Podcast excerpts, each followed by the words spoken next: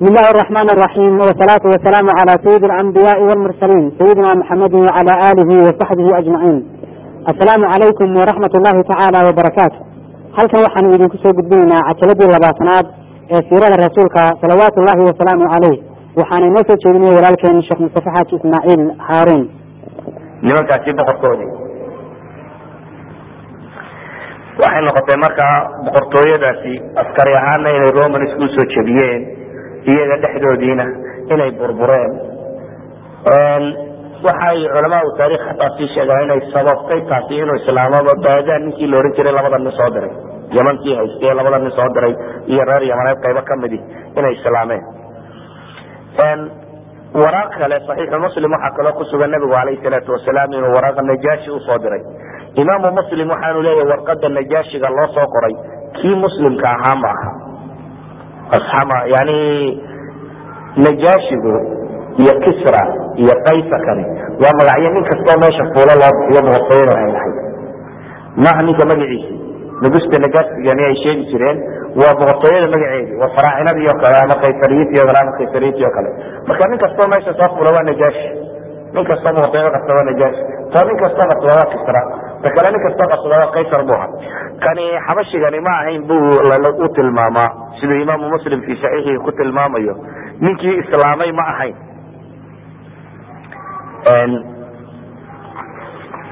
Waxa ay tilmaamaan un inuu nabigu alayh salaatu wasalaam waraaq u soo diray.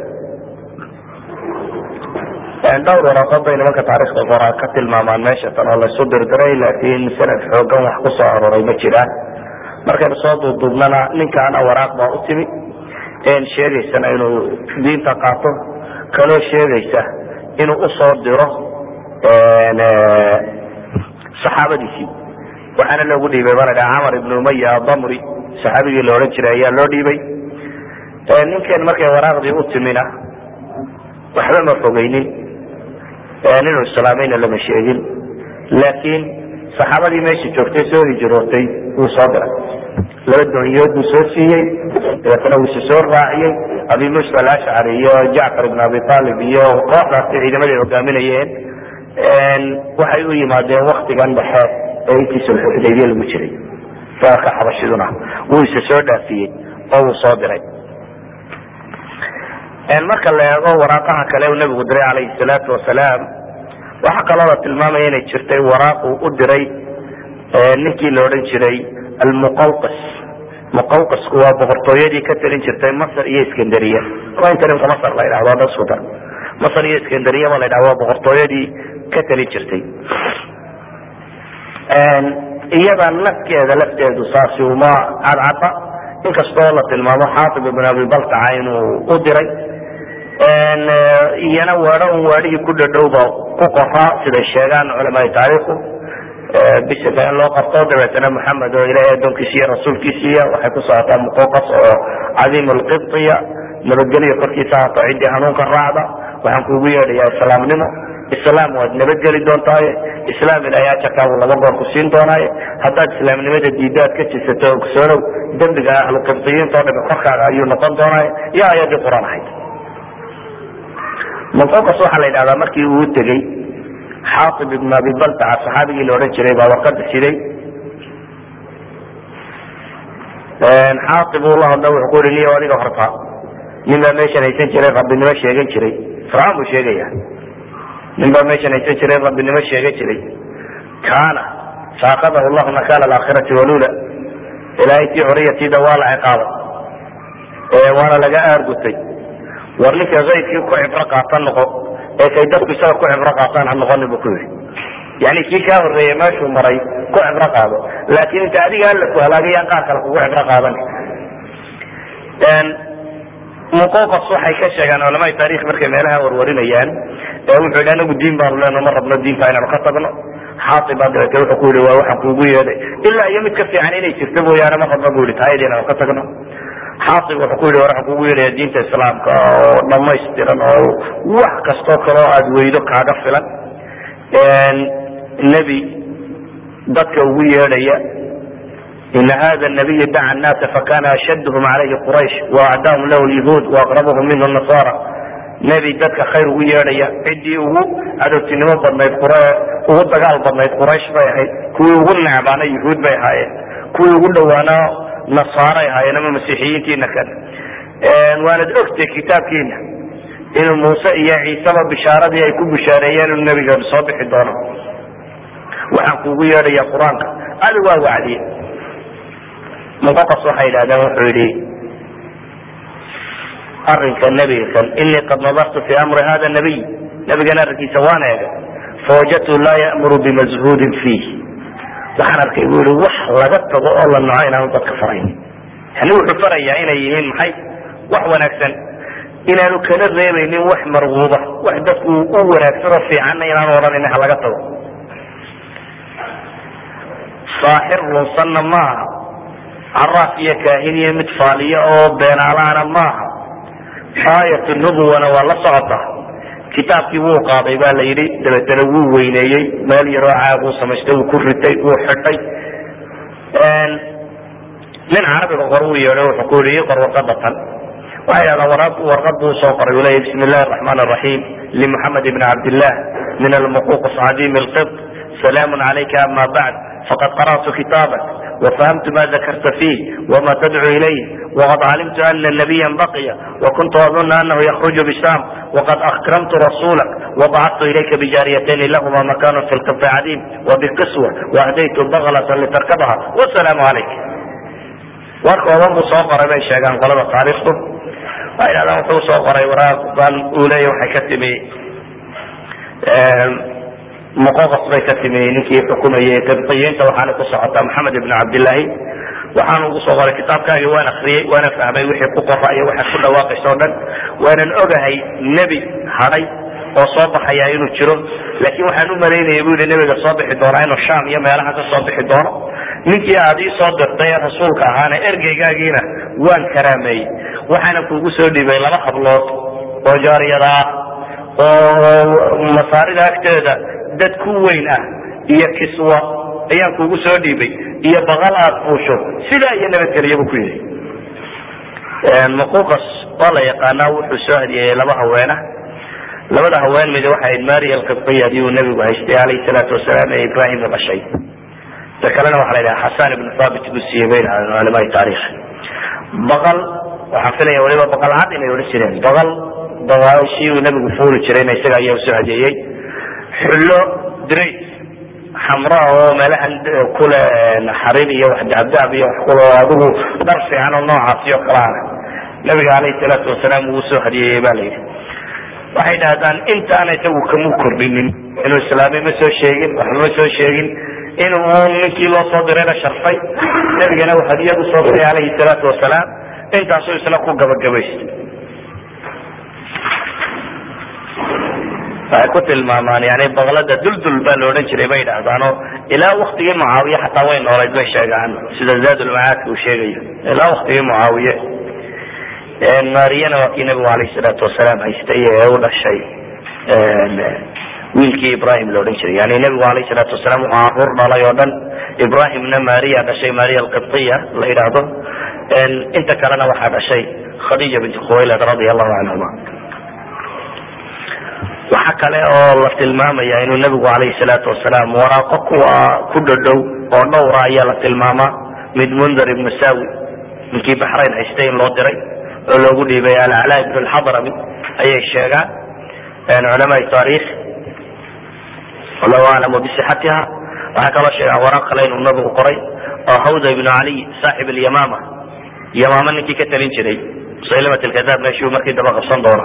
Ninkii ka talin jiray in waraaq baana loo diray. Saliit ibn camr alcamiri saxaabigii la odhan jiray baa loogu dhiibay ba la yidhi. Markii kitaabkii u yimi ayuu wuxuu ku soo jawaabay ba la yidhahda isaguna ma axsan ma tadcu ilayhi waajmalah wlcarabu tahaabu makani fajcal li bacd alamri atabicuk ka hawda waxay culamada taarikh ka sheegaan wuxuu yihi waxaad ku yeedhaysaa waa wax aada u fiican qurux badanna carabina maanta aniga way iga cabsataa yani nin makaano kule carab baan ee waxaan rabaa meesha markaad adigu ka dhimato inaan qabsado. Yani inaan adiga dabada madaxda noqdo saas aan ye aan yeelo ku raacaya saxaabigii loo diray saliiqna jaa-isuu soo siiyeyo dhar fiican iyo waa kaas.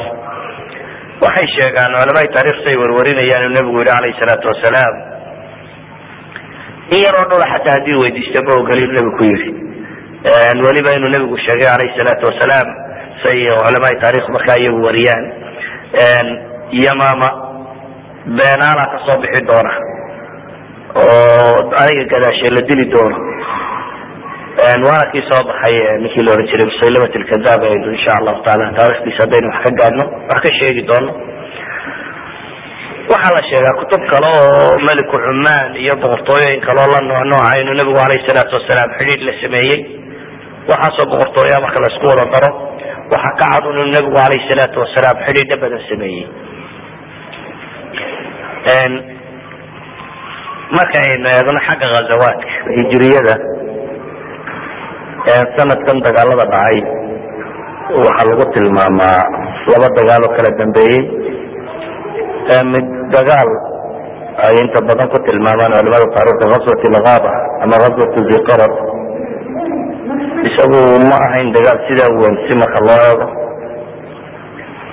Wuxuu ku saabsanaa nimankii reer khatafaan ahaa nin ka mid ah.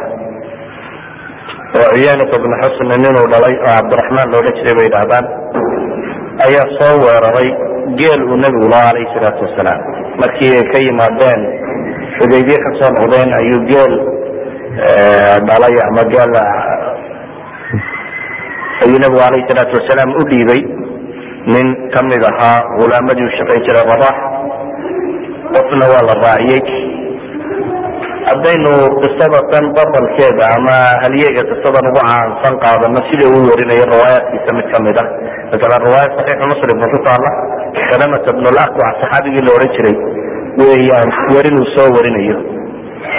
Salamata bn lakwac xadiisi dheero uu leeyahay oo kaga waramayo sulxu xudaybiye iyo dhowrkii goore ay gaaladu soo weerartay iyo isagoo geed jiifay inuu afar nin soo qabsaday iyo adeerkii caamirna inuu toddobaatan nin soo xidhay haddana nebigu sii daayay.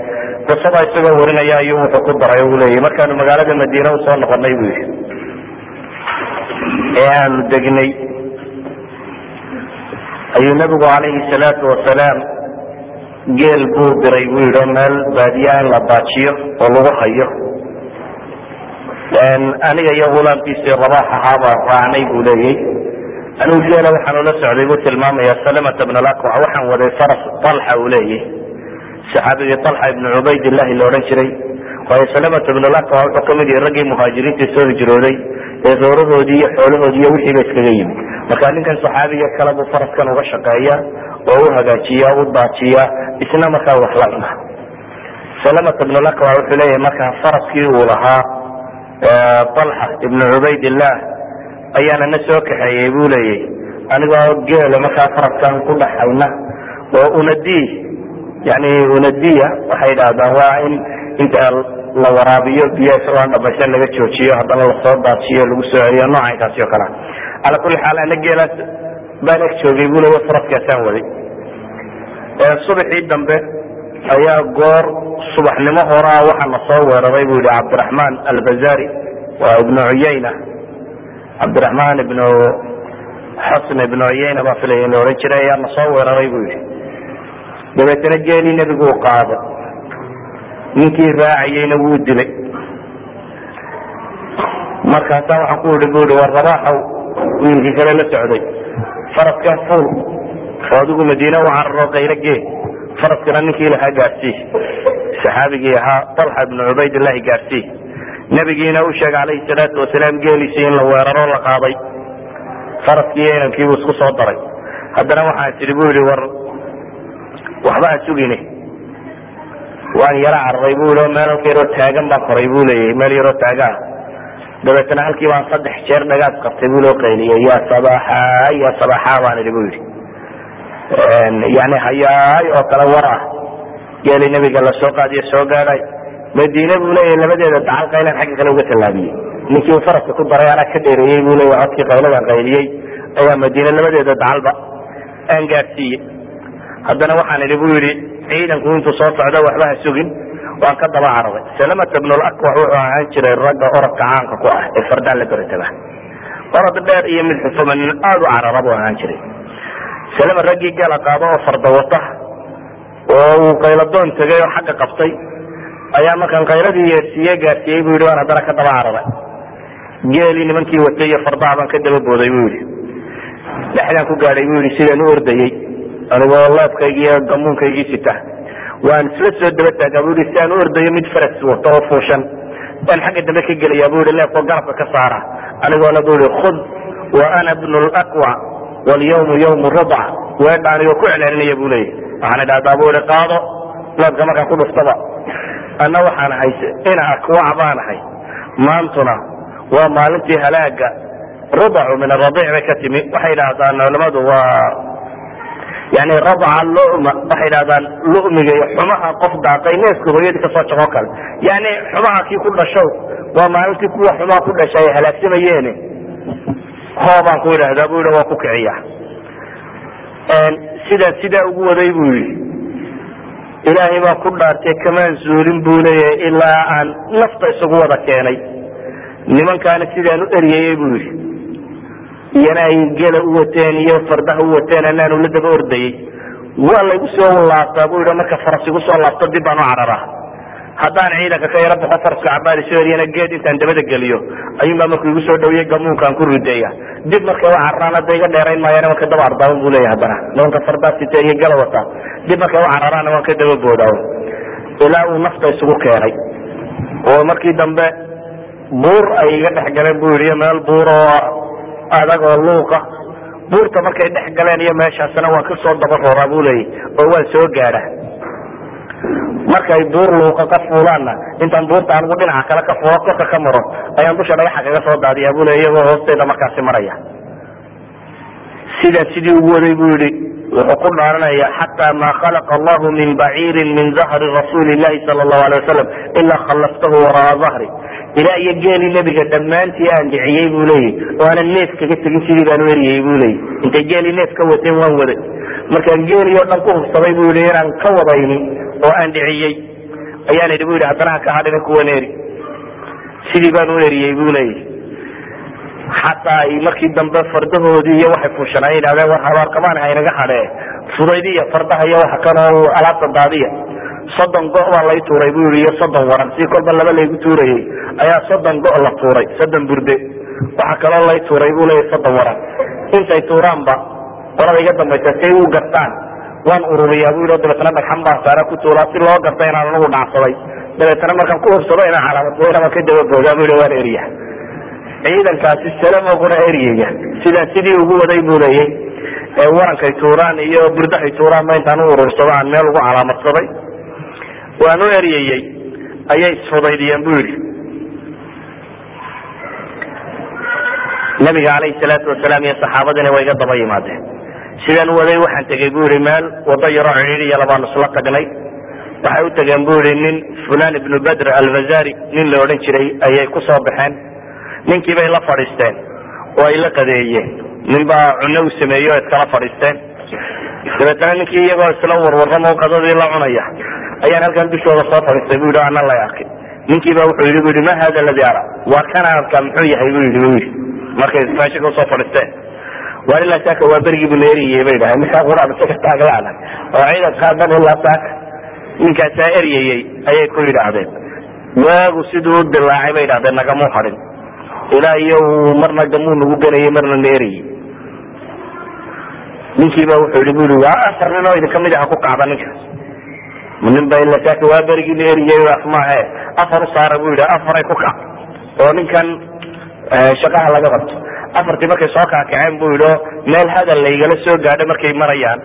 Ayaan la hadlay bu yidhi waxaan ku yidhi hal tacrifunani war horta may garanaysaa nimankiina sii soo socda. Waxay idhahdeen la waman anta? Ku garan mayna yaad ahayd bay idhahdeen iyagoo soo socda dhawaaqi.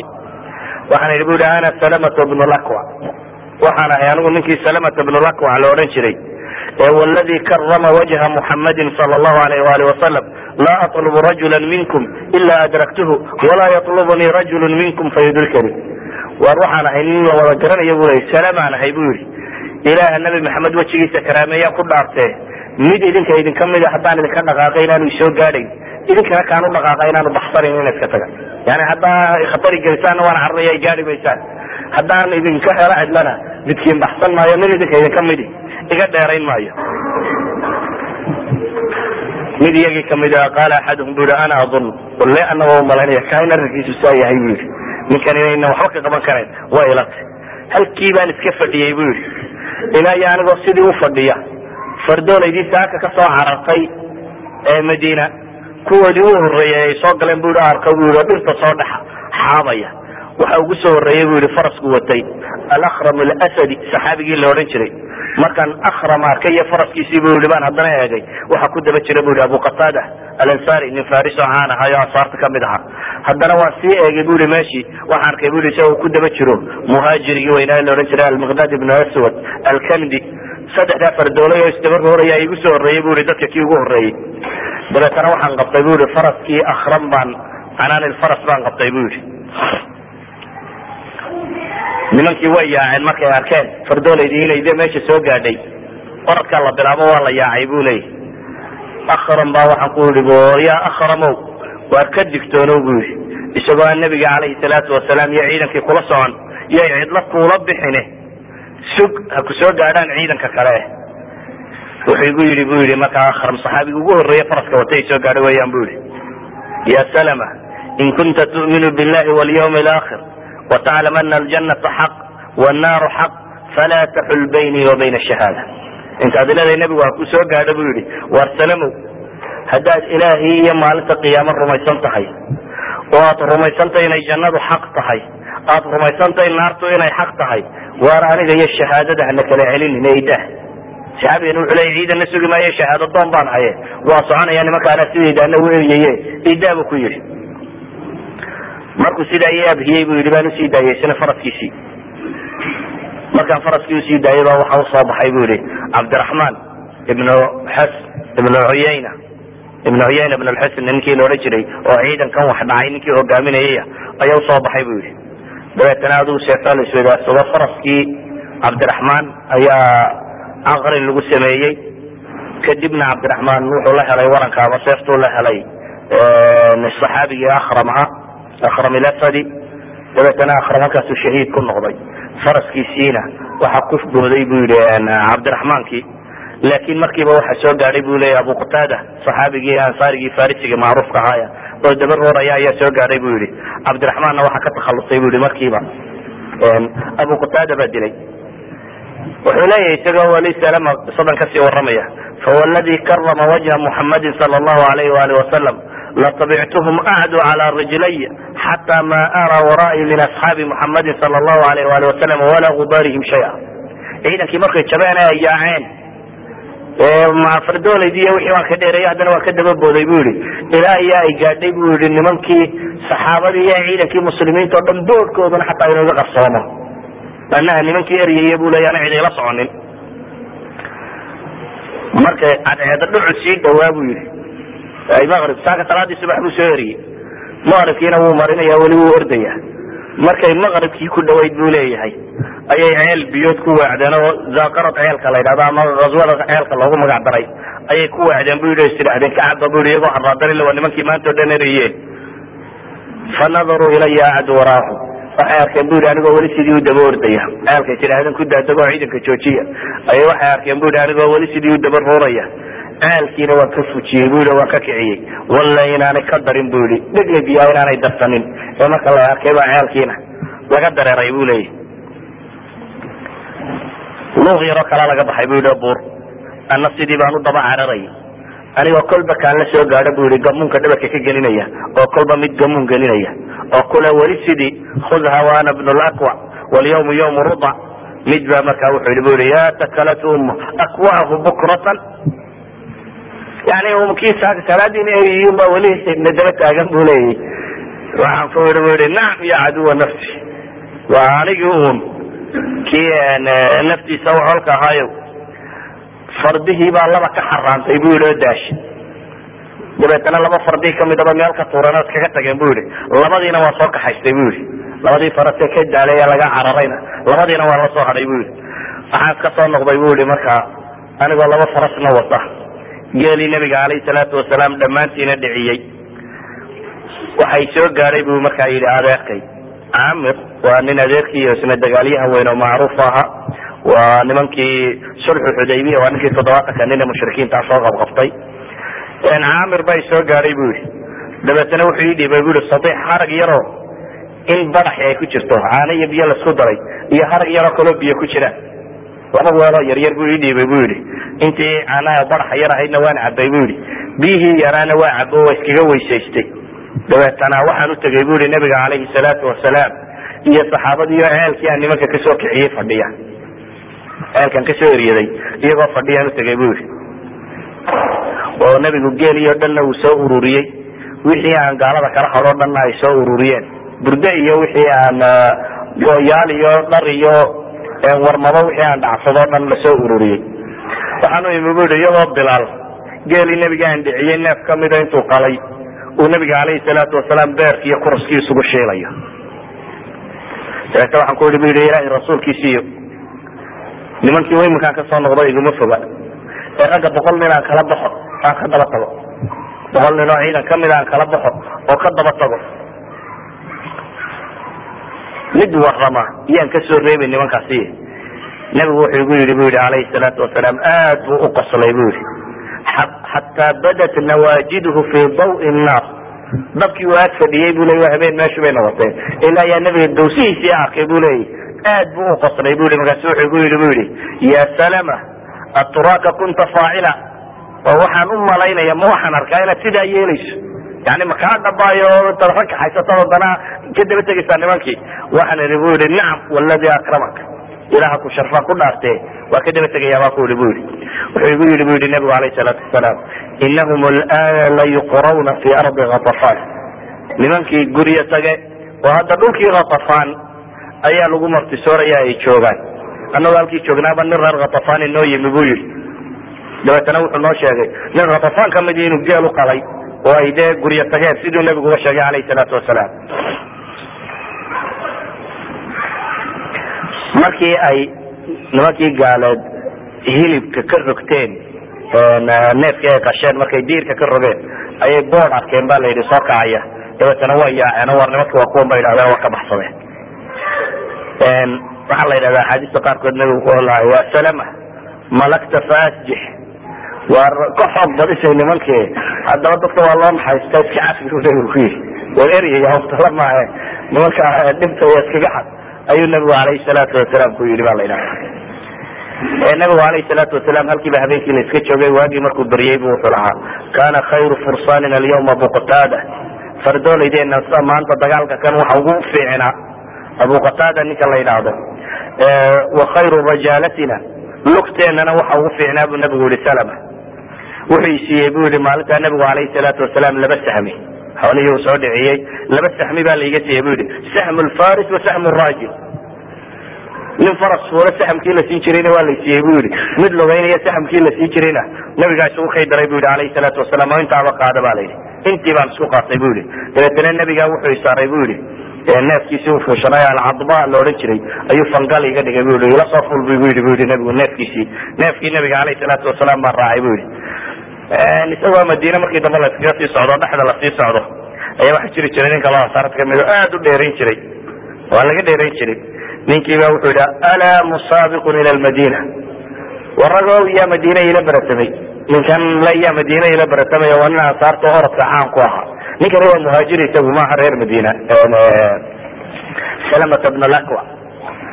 Salamo nabiga daba ninkii baa weedhi ku celceliyay dhowr goor ciidanka dhexdiisii yaa beratamay ilaa madiina ilaa madiina yaa ila beratamaya dhowr goor buu ku celceliyay salama wuxuu leeyahy markaan hadalkiisii maqlay baan ku idhi ama fadlan wuxu uhi la ila an yakuna rasuul llahi sala allahu alayh waali wasalam cid kaloo aan sharfaya ama aan ka cabsanaya. Ma jiro ilahay rasuulkiisa mooyaane. Nabigaan laama wax ku ui ui ya rasuul allahi biabi wa ummi. Zarnii falyusaabiq arajul ilahay rasuulkiisa iyo iska kaydaa balkana hala beratamo maanta. Ayaan idhi bu yidhi. Waan soo daadegay bu yidhi dabeetana waxaan idhi bu yidhi si carar ilaa iyo inta elkaqabad adigu bal orod. Waan ka daba imi bu yidhi cabaar baan yaro orday waa iskaa neef neefsanayay bu yidhi waxaa talaa bal cabaar ha ordo. Cabaar markuu sii orday ayaan uma inii rafactu xata alxaqu. Ayaan ka daba booday bu yidhi ilaa ayaan soo gaadhay. Dabeetana labada garab dhexdooda intaan ku dhuftay ayaa waxaan ku ihi bu i qad subikta wallahi lagaa dheere adigana allah ku dhaartay baan ku ihi bu yidhi.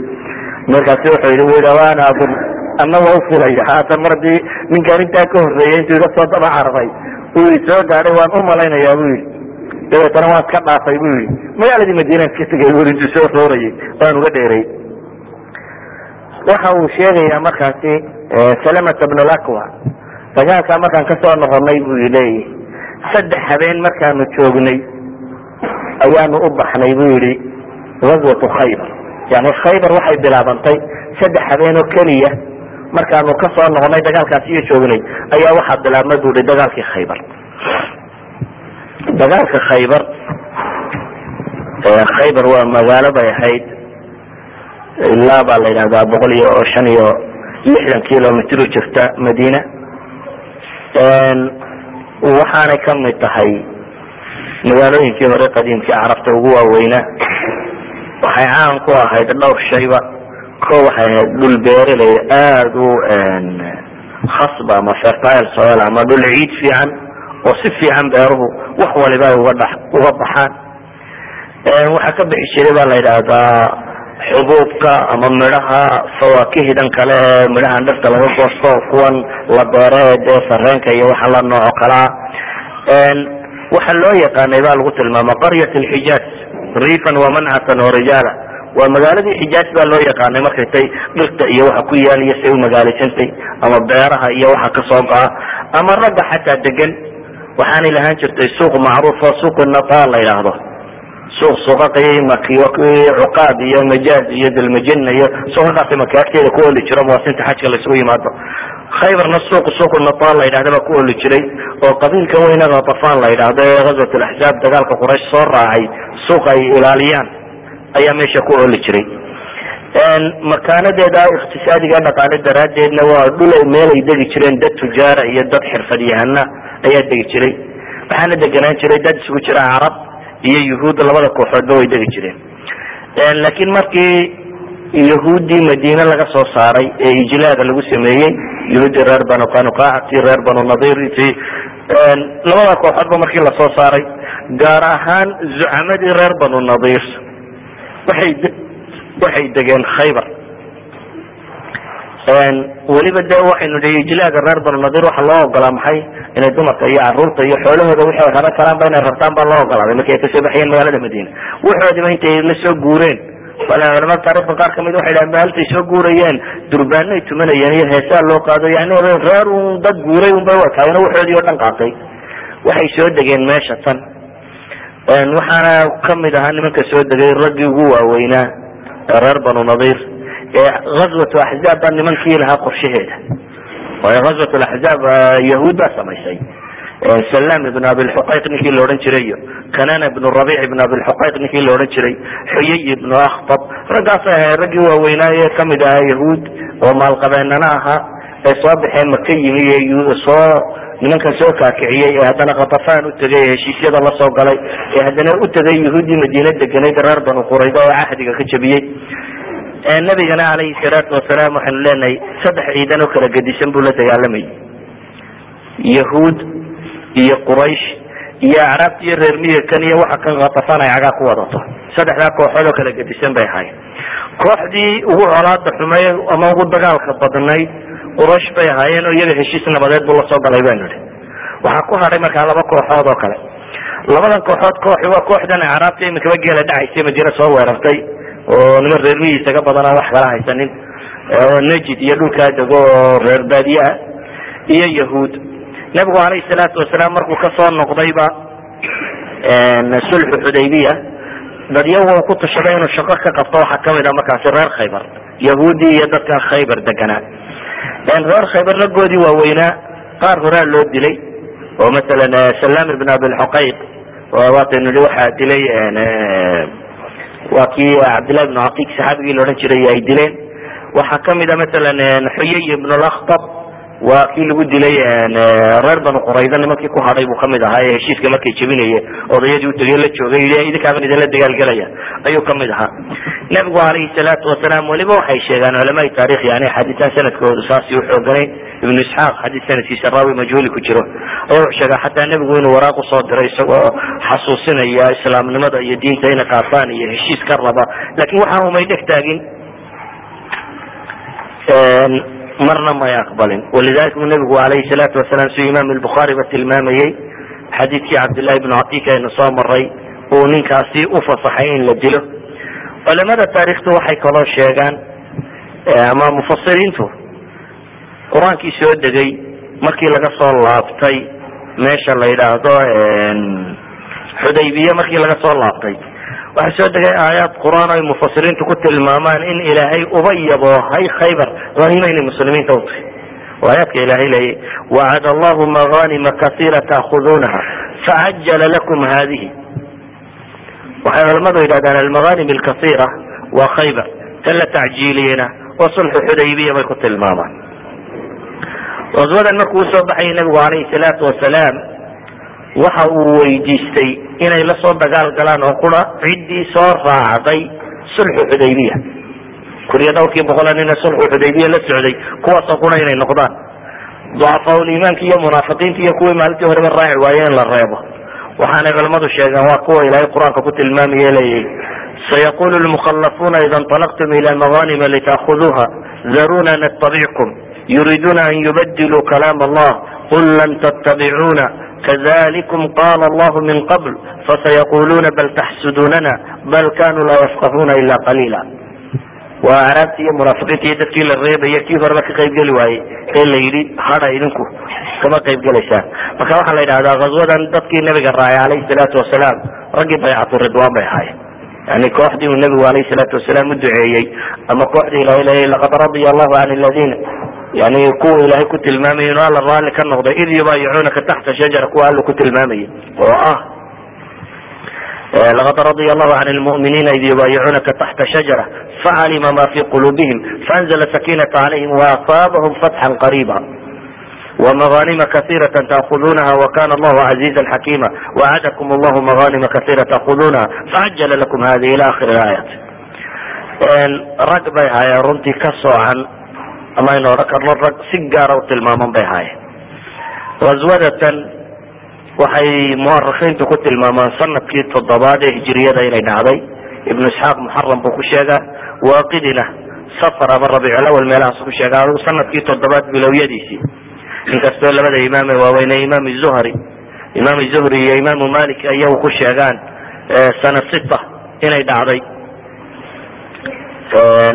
laakin waa qadiyadaynu nidhi waxay ku saabsiisan tahay haddaad aragto had iyo goor taarikh ay culamada taarikhdu isku hayaan oo sanad udhexeeyo waxay ku saabsan tahay bay culamadu yidhaahdaan khilaafka udhexeeya goorma laga bilaabaya taarikhda hijriga.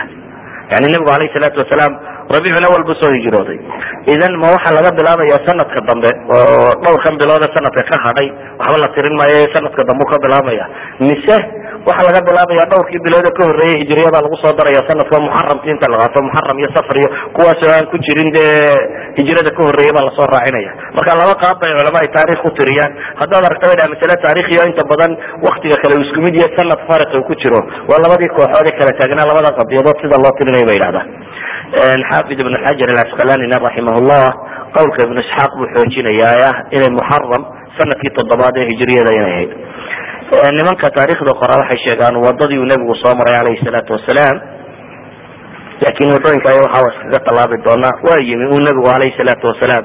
Meesha khaybar la yidhaahdo.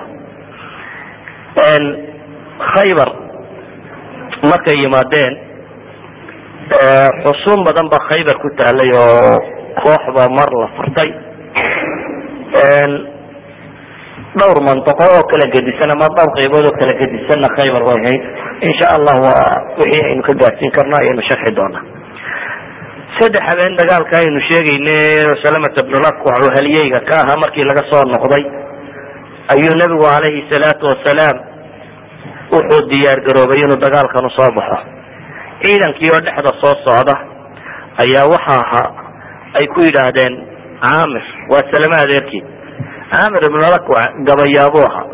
Ay bacda saxaaba waxay dhaha ya camir alaa tasmacuna min hunayhatik war waxoogaagi yara wahaageed odhan jirtay ma wax naga maqashiisid baa lagu yidhi yani gabayadii waxaad tiri jirtay waa rag safar ku jira dagaal u socda. Gabaygaagi bal wax ka sheeg sheeg ba la yidhi. Dabeetana waxaanay u badantay inay saabit yihiin marka cadnaan laga bilaabo ilaa iyo nabi ismaaciil la geynayo aad baa khilaaf badan u jira. Yani taariikh kala badan oo aada u kala gedisan oo aan isku xidhnayn ayaa markaasi la tiriya laga bilaabo weeyaan cadnaan ilaa iyo inta la gaadhsiinayo ismaaciil ama ibrahim xagga ka sii dambaysana de markaa ka sii muran badan. Inaad nebi ibrahim u abtiriso ilaa aadam sadaqna walaa sallayna. Wanaxnu can fadlika ma stagnayna fasabit alaqdama in laaqayna. Waanzilan sakinatan calayna gabay caynkaas u tiriyaa la yidhi. Gabaygaa markuu tirinayuu nabigu maqlay calayhi salaatu wasalaam dabeetana wuxuu yihi man hada war waa kuma. Ninka gabaygaa tirinaya. Riwaayaadku alfaada xadiidka bukhaari iyo muslim ba sibu u soo riwaayadaan akriya waa ti saxiixu muslim. Ta bukhaariguna waa allahuma lawla anta ma htadayna walaa tasadaqna walaa sallayna fagfir fidaan laka maktafayna wathabit alaqdama in laaqayna waalqiyan sakinata calayna ina ida sixa bina abayna wabisiyaaxi cawalu calayna gabaygaasuu tiriyey dabeetana nabigu wuxu yihi alayh salaatu wasalaam man hada saaiq war tixda ninka tirinaya waa kuma buu nabigu yihi dabeete wuxuu yihi camir ibn laqwa ana camir riwaayada bukhaarina waxay leedahay qalu camir ibn laqwa waa camir ba la yidhi ninka gabayga ka tirinaya.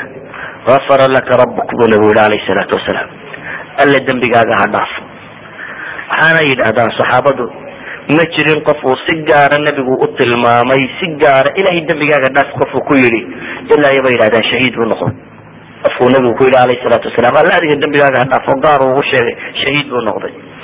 Riwaayaadka qaar ba waxay leeyihiin markaasuu markuu weedhaa maqlay ayaa cumar dhawaaqaa la yidhi oo awr fuushan wuxuu yidhi ba la yidhi ya nabiy allah lawlaa matactanaa bicaamir ilaahay rasuulkiisa iyo maad noogu yaro raaxaysa caamir maad noo daysid muddo yani mar hadduu nabigu u duceeyey waxay rumaysan yihiin inuu shahaado dagaalka ku helayo cumar baa dhawaaqayo caamirna ragga geesiyiinta dagaalka ku fiican buu ka mid ahaa cumar baa marka wuxuu leya ilahay rasuulkiisa iyo maad caamir meel ma noo daysid oo kale yani maad caamir aanu ku raaxaysanay maad noo daysid caamir sidii uu sheegeen baa dhacday oo waa aynu arki doonaa kaswadan ragga ugu horreeya ee ku shahaado qaato ka mid noqonaya. Khaybar markaynu eegno nabigu calayhi salaatu wasalaam goor habeennimo abuu wuxuu waddooyinka bedbedelo oo meela soo maraba goor habeennimo abuu soo duldegay. Markuu soo duldegay habeennimadiina halkii ayuu joogeen. Salaadii subax bay goor hore oo halasa ayay tukadeen dabeetana markaasa la yidhi weerarka halasoo bilaabo halasoo baxo. Waxaa iska hor yimi dhulkan dadka degani beeraley bay ahaayeen. Beeraleydiiyo jarmaadsan oo yaambadoodii iyo waxay dhulka ku qodayeen iyo birahoodii sidata oo soo kallaho beeraha ku kallahsan iyo saxaabadii iyo soo kallahday baa iska hor yimi markay arkeen dadkii beeraha ka shaqaynaya dib bay u carareen waxay moxamed wallahi moxamed walkhamiis khamiisku yani aljeish baa loo jeeda ilaah baan ku dhaaranay waa kan moxamed iyo ciidankiisiina soo galay iyagoo leh. Marka reer khaybar war horeba may maqalo fiican ilaa iyo waa lagu waaberistay un waaberiga kanun ba arkeen ciidanka ku soo baxay.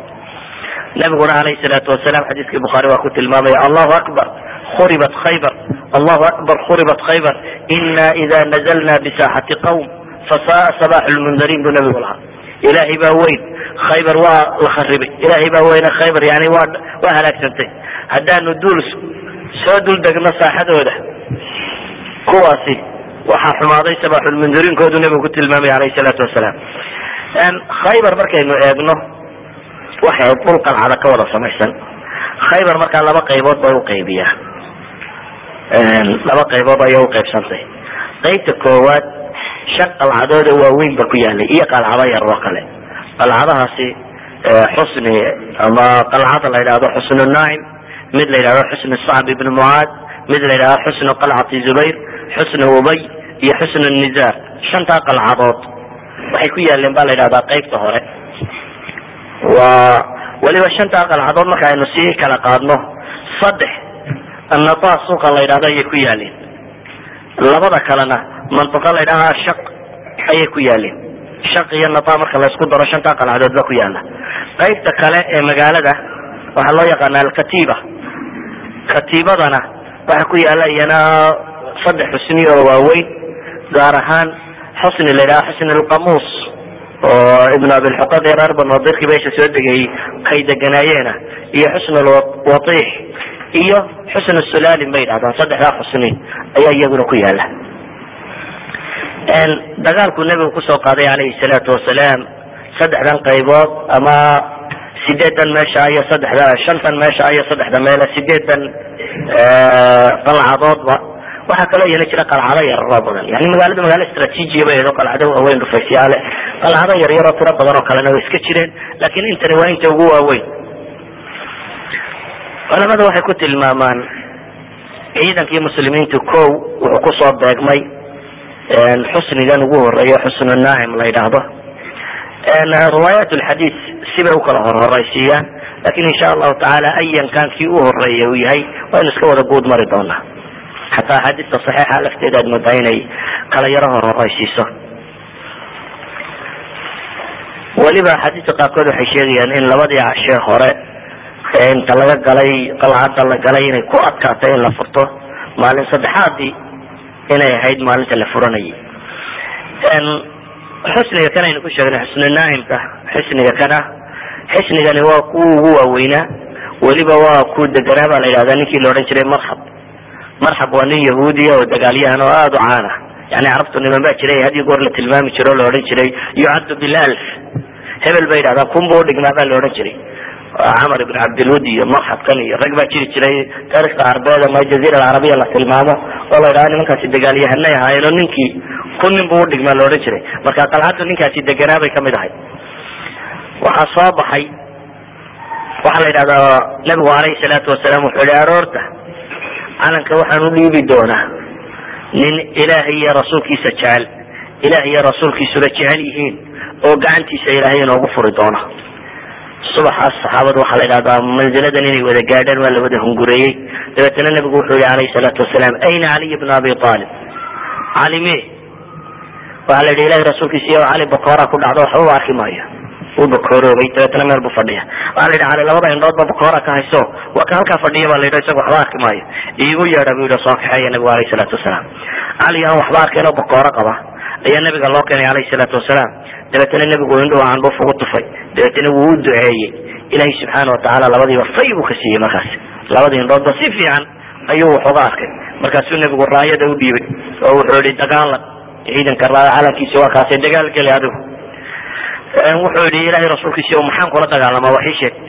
Wuxuu nabigu yihi ma waxaan la dagaalama yihi xataa yakunu mislana. Anagoo kale ka noqonayaan dagaalka miyaan ku wadaa? Bu yihi nabigu wuxuu ku yihi alayhi salaatu wasalaam infid calaa raslik xataa tanzila bisaakhatihim uma adcuhum ila lislaam yani deg ilaa intaad meeshooda aad gaadhayso marka aad gaadhana islaamnimo ugu yeedh buu nabigu leeyay yani waxa waa xadiidka nabigu ku tilmaamaya hadafka koowaad ee muslimiintu ay lahayn may ahayn magaalada xoolaha yaal ama waxan baa yaalla aad soo qaadqaadateen taa ma ahayn hadafku wuxu ahayn dadkan diin loo sheego wuxuu nabigu ku yihi alayhi salaatu wasalaam dadka diin ugu yeedh oo waakbirhum bima yajib calayhim min xaq illahi fiih oo u sheeg waxa xaqa alle ee dadkan ku waajibay u sharax buu ku yidhi nabigu alayhi salaatu wasalaam dabeetana wuxuu weliba nebigu u sheegay sidaa same isagoo nebigu ku dhiiri gelinayaba wuxuu leeyahy yani waxaad meeshan dareemi kartaa haddaad nin madaxa ahaan lahayd o ad ciidan dirayso dad ay hayseen dagaalka janan ciidamadaada kamida rabto inuu la dagaal galo waxaa laga yaaba dad qofka caadiga wuxuu ka fikeri lahaa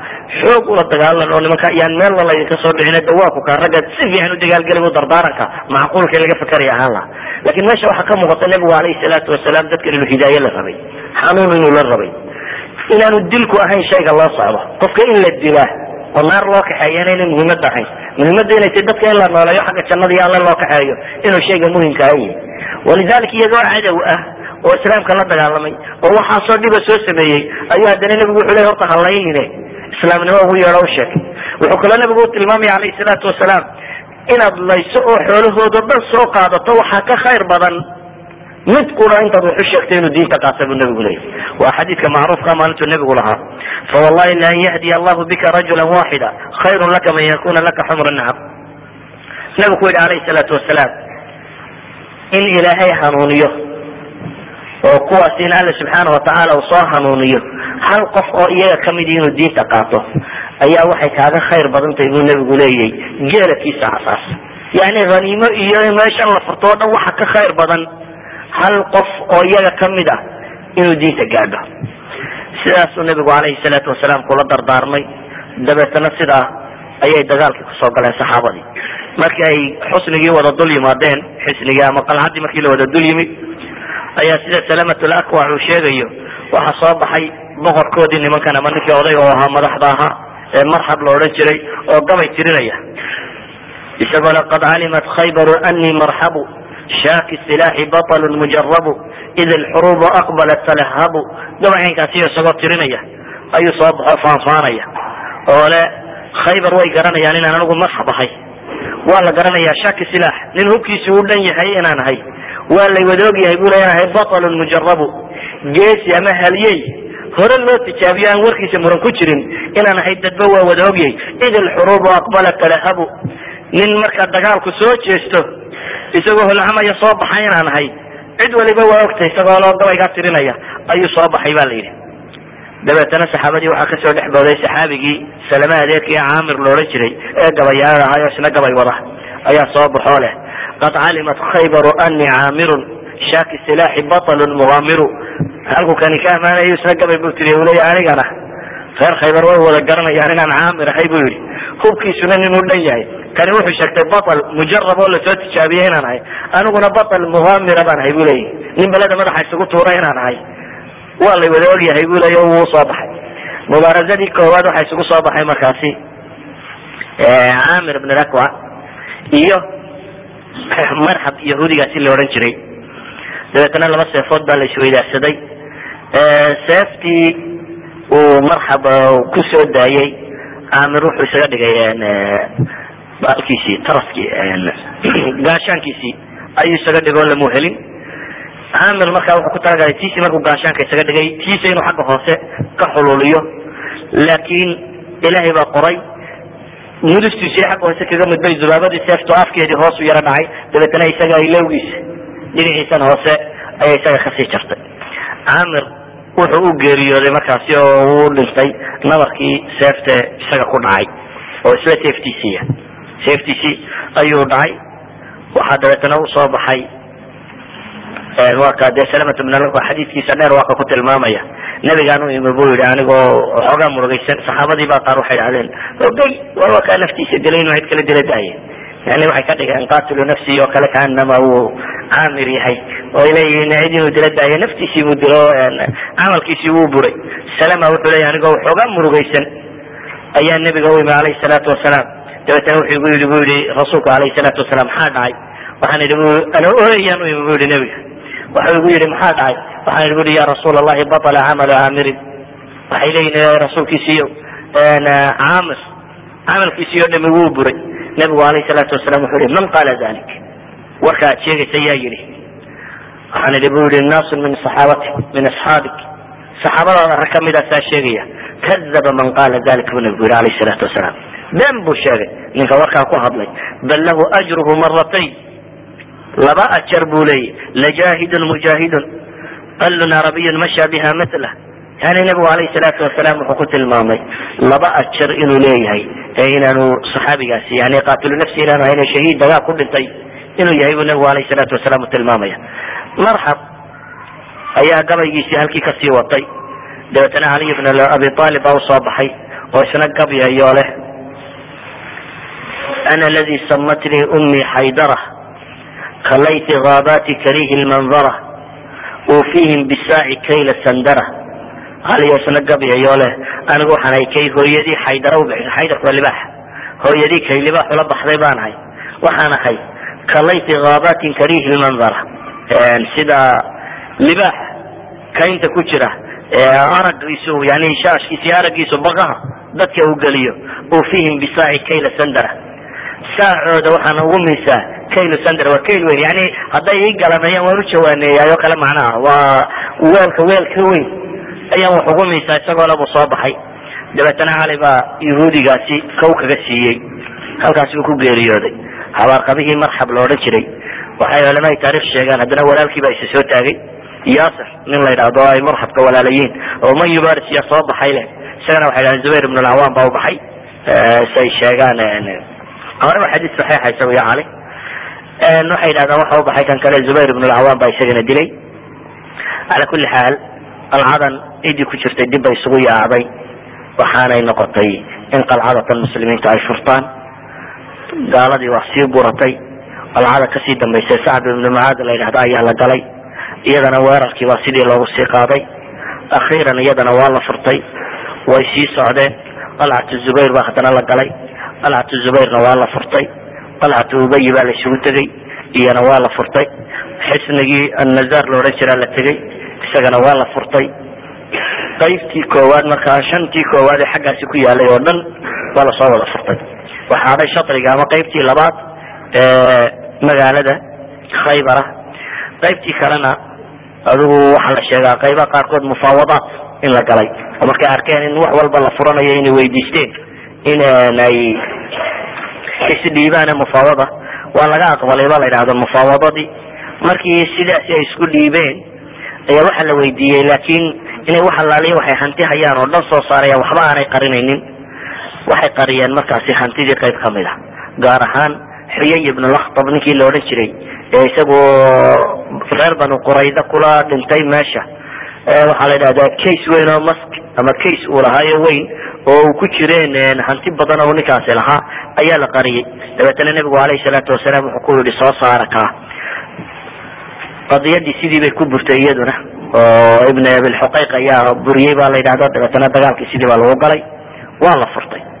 Hanaaimtii meeshii laga helayna nebigu alayhi salaatu wasalaam wuxuu u qaybiyey ba la yidhaahdaa lix iyo soddon sahmi khaybar wixii hore laga soo helay. Sideed iyo toban iyo sideed iyo toban ayuu ka dhigay. Sideed iyo toban sahmi oo wuxuu u qaybiyey nebigu alayhi salaatu wasalaam ciddii markan la soo dagaal gashay sideed iyo toban sahmina wuxuu u gadaal dhigay nebigu alayhi salaatu wasalaam dadka muslimiinta iyo xawaajistooda iyo mustaqbalka. Wixii lagu maamuli doono dawladda islaamiga ayuu u meel dhigay waxaana intii dagaalkan kala qayb gasho oo ah dadkii ka yimi sulxu xudaybiya oo keliya buu nebigu alayhi salaatu wasalaam qaybtan ka qayb geliyey iyo koox la kulantay oo ah kooxdii ka soo noqotay ard alxabasha jacfar ibn abi talib iyo abu musa alashcari nimankay hogaaminayeen. Iyo in yaroo abu hurayra oo markaas oo islaamoo yimi waxay yidhahdaan isagoo nebigu madiine ka maqan buu soo galay salaad subax buu kula tukaday deetana ciidanku ka daba yimi meeshuu yimi abu hurayra iyo midharkaa la socdayna iyana waa laga qayb geliyey intaasi ayaa hanaaimtiina loo qaybiyey. Nabiguna alayh salaatu wasalaam markii kooxdan abi jacfar ibn abi talib iyo ashcariyiintii marka u yimaadeenna aad buu ugu farxay. Kadibna nebigu alayh salaatu wasalaam dadkii la soo qabqabtay wuxuu ka qaatay gabadh safiya la odhan jiray oo uu dhalay odaygii habaarqabe xuyay ibn lakhtab la odhan jiray ku dhintay ghazwatu bani qurayda haweenaydaasi ayuu xoreeyey nebigu alayh salaatu wasalaam markuu xoreeyey kadibna wuu guursaday markii dagaalka laga soo noqday dhexda la marayana nabiga alayh salaatu wasalaam ba umu u soo dhisto waa loo aroosay saddex habeen buu nebigu aroos hayo gabadha tan uu qabay sidii bay kaga yimaadeen meeshaasi saxaabadii oo lagaga soo noqday meesha loo yaqaano khaybar hantidii taalayna lagu wada qaybsaday dhacdooyinka maalintan dhacay waxaa lagu tilmaamay inay ka mid ahayd dhacdo fudud oo markii meesha la qabsaday bay habar yahuudiyadii isku dayday inay nebiga sunayso gaar ahaan gabadhii baa la yidhaha salam ibnu mishkam shat ama neef adiya bay u moofaysay dabeetana waxay tihi waa xaggee nebigu alayhi salaatu wasalaam halku u jeceliyo waxaa la yidhi dhudhunkuu cunaa. Halkaasna suntay xoog uu sii badisay neefka o dhanna way sumaysay. Markii loo soo dhigay raashinkii nebigu alayh